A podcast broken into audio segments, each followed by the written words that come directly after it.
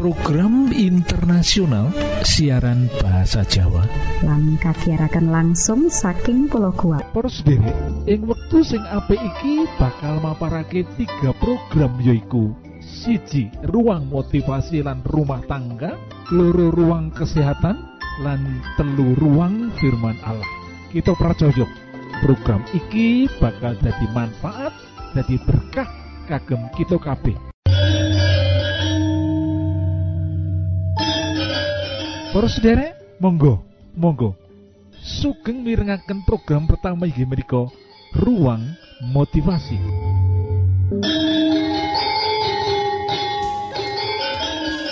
Judul motivasi kita ing wektu iki yaiku setelah menikah ono suami berubah dadi kasar. Apa sebabnya ya? Bagian pertama. Para sederek, sadurunge menikah wong lanang sajak sayang marang calon bojone. Sajak nresnani marang bojone. Lah sakwise menikah berubah. Sing lembut dadi kasar. Apa sebabe Gusti Allah merintahke marang wong lanang supaya nresnani bojone utawa istrine. Lan ada dasar keterangan bab katresnan ing kitab Efesus bab 5 ono pesen loh Nresnani bojo iku tegese suami bertindak kanthi lembut lan respek utawa ngajeni. Masalahnya kanthi berjalani waktu sering kali lo kelembutan kemesraan bermetamorfosis berubah dari kekasaran respek berubah dari nestolan hina. Iki lho sing sering terjadi terus sendiri mesti kita tentu kebanyakan berkata loh menawa wawan atau perubahan iki terjadi amarga ono sebabilan alasan klasik. Laki-laki kebanyakan nyebutake loh yen iku kabeh disebabake sikap lan perilaku sing ora sopan saka istrine utawa saka bojone ini minangka alasan utama kenapa dianggap dheweke dadi kasar padahal sering kali ora mengkono loh yang kita gali kanthi bener-bener loh nanging kita kudu eling loh yen panggilan hidup suami menurut karakter Allah ora gumantung atau tidak tergantung keadaan apa wae kahanane Gusti Allah njaluk supaya kita tresno lan nganggep bojo utawa istri itu adalah yang perlu kita sayangi kanthi lembut dan respect lho para sendiri. Lah iki bakal dijelentrehake lho. Ada tujuh penyebab yang sering menyukarkan suami lah menikah untuk mengasihi dan memperlakukan istri kanthi lembut. Sing kapisan, miturutku yiku secara sosial budaya isi ono sing mengajarkan menawa wanita itu sebagai objek atau alat untuk melayani suami lan uga ngrumat anak-anake. Ada dasar nilai urip iki ada dasar nilai-nilai hidup ini wanita akan dianggap berarti tidak sama seperti pria. Jadi anggapan kalau wanita itu memang untuk melayani suami dan merawat anak-anak. Lah, berdasarkan filsafat sing kaya mengkene iki, wanita dianggap tidak sama seperti pria. Pramila menika sakit kita tingali loh para sendiri, dapat kita lihat loh sampai sekarang ini loh. Ada beberapa budaya yang mengajarkan bahwa memang anak laki-laki itu lebih diinginkan tinimbang anak perempuan di berbagai tempat ajaran sing kaya mengkene ini yen kita ora hati-hati loh. Akhirnya kita ini menganggap bahwa wanita itu kurang berharga. Lah akhirnya kita tidak terlalu perlu untuk memberikan penghargaan kepada wanita atau kepada istri kita. Dan kita nganggep opo wae sing dilakukan sebagai istri adalah kewajiban belaka atau sesuatu yang sudah seharusnya dilakukan mengatakan betapa mudahnya nilai hidup seperti ini akhirnya melahirkan sikap kasar dan akhirnya yang orang hati-hati tidak jarang kekasaran lah yang diperbuat suami terhadap istri loh, para saudara. Akhirnya kita tidak perlu merasa menehi pujian marang istri. Kita menganggap yen apa sing ake istriku mau kewajiban belaka atau memang harus dilakukan. Mula kita bisa bayangake sepiro gampang ini le urip kaya mengkene ini akhirnya nglakirake sikap kasar lan pungkasane. Ora jarang perilaku kekasaran lah yang diperbuat kepada istri. Lah menawi bab pengaruh sosial budaya, si suami atau istri pun merasakan itu adalah pengaruh sosial budaya karena memang sejak kecil sudah terbentuk seperti itu. Apakah dia mau disalahkan? Nah sering kali buatan purun disalahake. Mesti wae dheweke bakal ngotot lan ngomong yen perkara kaya ngene iki ora salah. Mula dheweke tidak mau berubah Nanging sejatine apa wae sing diarani sosial kultural utawa budaya nganggep yen istri minangka objek utawa alat lan tidak setara dengan suami iku sesuatu yang tidak benar. Mula saka iku mari kita berubah. Berubah merubah aturan lingkungan sing ora apik, sing ora setuju kalau aturan Gusti Allah. Lan milo menika anak-anak wanita kudu disekolahake nek iso disekolahake sing dhuwur supaya dapat pekerjaan sing apik lan ora ana wong lanang sing berani jadi suaminya merendahkan dia. Kita harus didik anak perempuan setara dengan anak laki-laki. Dan anak laki-laki kudu dididik supaya ngerti tentang kesetaraan gender. Dan ngerti nasihati Gusti kang luar biasa kang ngedap-idapi Yiku suami kudu istri istrine kanti lembut lan kanti respek. Semoga Tuhan memberkahi kita sedoyo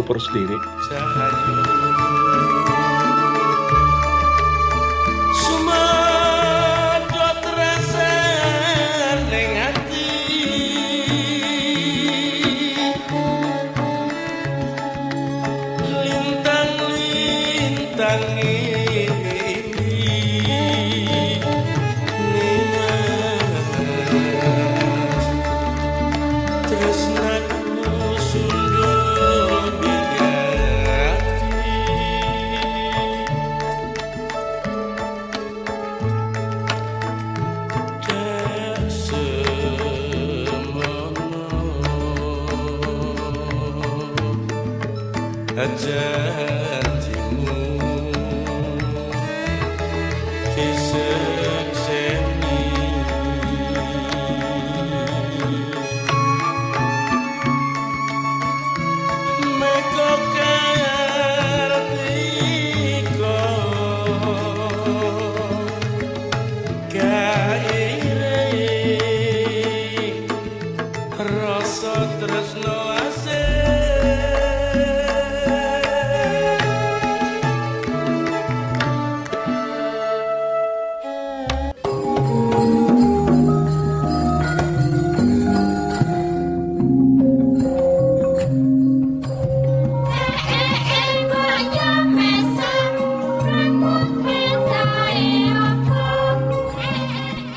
AWA utawa AWR Adventist World Radio. Program internasional ing Boso Jowo disiharke langsung soko pulau Guam ing satengah-tengahing Samudro Pasifik. Poros derek Monggo Monggo sugeng mirengaken program kedua inggih ruang kesehatan. Salam sehat Gusti berkahi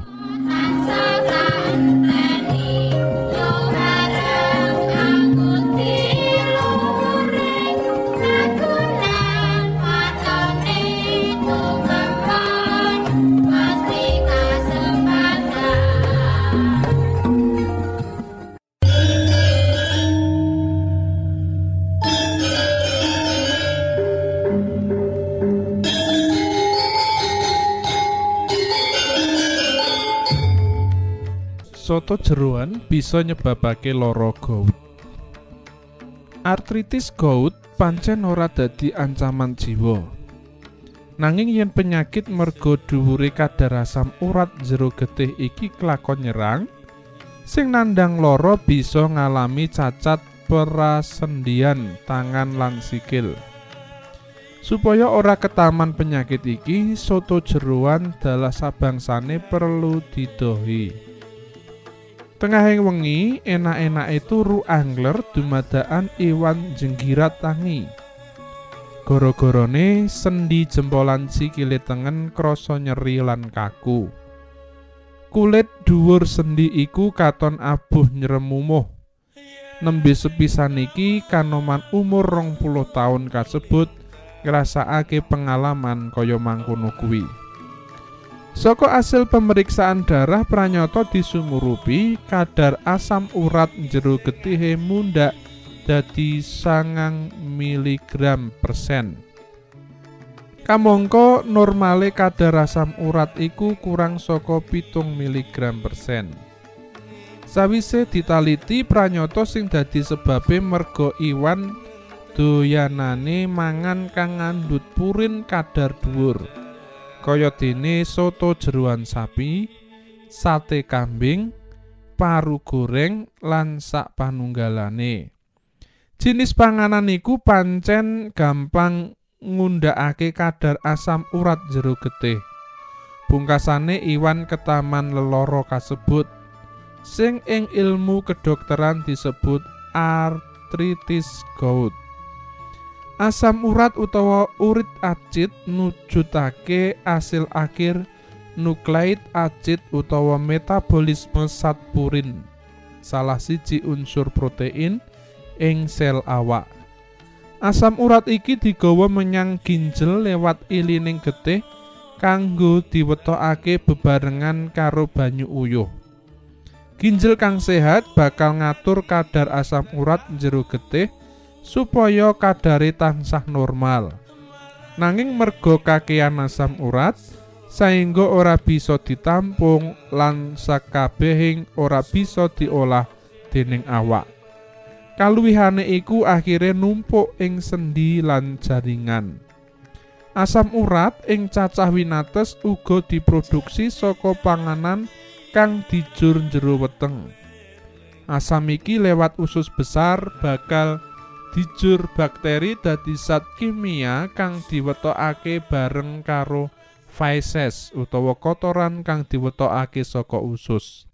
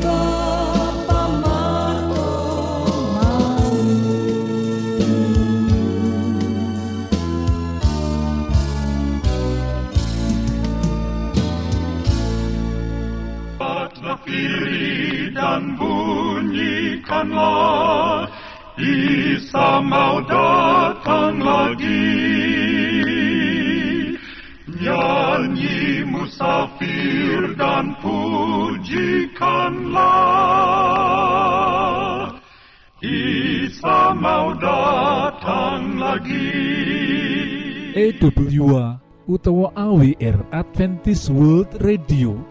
Program internasional ing Boso Jowo disiharke langsung soko pulau Guam ing satengah-tengahing Samudro Pasifik. Poros derek ing wektu sing apik iki monggo kita siapkan hati kita kangge mirengaken firman Allah. Datang lagi, datang lagi, Isa mau datang lagi. Para Sutrisno, ana sawijining bocah wadon kang wis ngancik remaja. Ani jenenge. Ani iki duwe hubungan kang raket karo eyang kakunge. Ani ngerti banget yen eyange iku sawijining wong tuwa kang apik kelakuane. Eyange tansah tumindak kabecikan marang sapa wae. Lan eyange uga tansah sregep tindak menyang gereja. Dheweke iku sawijining priyayi sepuh kang patut diajeni. Pantes dihormati lan dikagumi. Nanging Ani ngerti yen kabeh ora cukup kanggo bisa paring urip langgeng marang eyang kakunge. Marga iku ing sawijining dina nalika dheweke lagi mlaku-mlaku karo eyang kakunge ing sawijining taman. Sawise eyange akeh nyritakake akeh bab kang dialami, Ani mundut pirsa marang eyange. Yang menapa eyang sampun dipun lairaken malih? Nanging tanpa sakweruhe Ani, sawijining wong kang nate dadi karyawan eyange nate paring panyeksi marang dheweke. Pitakone Ani marakake dheweke ngrasa perlu kanggo mintakonake kondisi kerohaniane. Ora let suwe sakwise mireng pitakone Ani, eyang kakung lan eyang putrine mirengake siaran rohani ing televisi kang dipimpin dening Billy Graham. Lan donga kanggo bisa nampa Yesus minangka juru wilujenge. Let sawetara minggu sawise iku, eyang kakunge Ani mau sedo. Nanging piyambake wis ana ing sajroning rengkuhan langgeng Gusti Allah. Para sutresna kinasih, apa nate or ana wong kang takon marang panjenengan? Apa bab pitakone Ani mau? Yen ora, itinono aku ngajukake pitakon. Apa panjenengan wis dilairake maneh? Kita kabeh wis mati sebab dosa-dosa kita.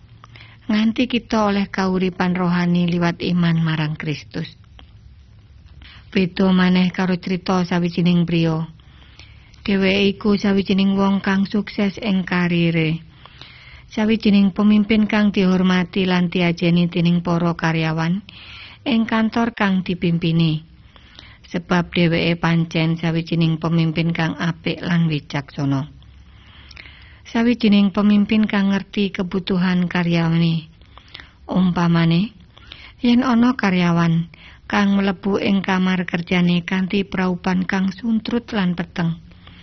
Mbuh, ana masalah apa kang lagi arep diaturake. Wis mesti bisa dijamin. Dheweke bakal metu saka kamar bose mau kanthi praupan kang wis dadi padang. Iku sawijining pratandha yen masalah wis bisa dibantu diperantasi dening bos mau. Kejaba iku kabeh dheweke iku uga sawijining kepala keluarga kang becik lan tanggung jawab. Senajan kaya apa repote tugas ing kantore, dheweke tansah nyisihake wektu kanggo keluargane. Kanggo mirengake unek-unek lan kelecuan bojo uga putra-putrane. Nanging emane dene priya mau lali marang siji bab kang paling utama. Apa iku?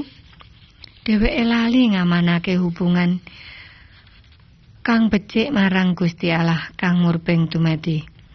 Dheweke lali Dene sakabeh kebahagiaan donya kang wis bisa direngku iku asale saka Gusti Allah uga.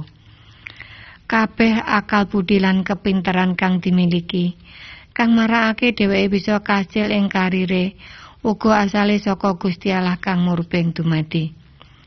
Nanging kenapa nganti dheweke lali marang siji bab kang paling utama iku?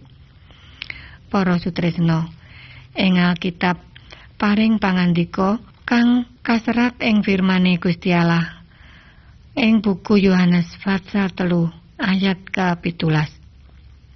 Aja gumun yen aku kondo, kowe kabeh kudu kalairake maneh. Para sutresna, sebab iku siji-sining dalan kanggo nampa Yesus dadi juru wilujeng pribadi. Lan Yesus nate dawuh ing firmane uga kang kaserat ing buku Yohanes pasal 6 ayat 44. Ora ana wong sing siji wae sing bisa marani aku kejaba menawa Sang Rama sing ngutus aku kuwi gendeng kowe mau marang aku. Temah wong mau bakal tak tangekake ing dina kiamat. Para sutresna kekasih, wis jelas yen sapa wae senajan kaya apa apike, tetep kudu ngliwati Gusti Yesus kang wis diutus Allah Bapa kanggo rencana nyelametake umat manungsa. lan ing akhir jaman sapa kang percaya marang panjenengane bakal ditangekake lan oleh urip kang langgeng ing swarga. Yesus iku siji-sijining dalan tumuju kauripan langgeng bebarengan Gusti Allah. Kabeh bakal kabeh dalan kang panjenengan lakoni iku sakliyane saka sebab iku dadi dalan kang buntu. Coba panjenengan kendal sedilo. Lan renungno kang dadi pitakone ani. Apa panjenengan wis dilairake maneh? Muga-muga berkah lan pimpinan Gusti Allah tansah nganti panjenengan kabeh. Amin. Studio nyuwun pamit badhe mundur. pilih wonten pitaken-pitaken utawi unjuking atur masukan-masukan lan menawi panjenengan gadah kepengingan ingkang lebet badhe sinau ba pangantikaning Gusti. Lumantar kursus Alkitab tertulis Monggo. 3 Advent suara pengharapan PO Box 00 Jakarta setunggal kali wolu setunggal 0 Indonesia. Panjenengan saged mlebet jejaring sosial Kawulo inggih menika Facebook pendengar radio Advent suara pengharapan utawi radio Advent suara pengharapan. Saran-saran pitaken ugi tanggapan panjenengan tansah Kawulo Tenggo. Lan saking studio kula ngaturaken bumi panuwun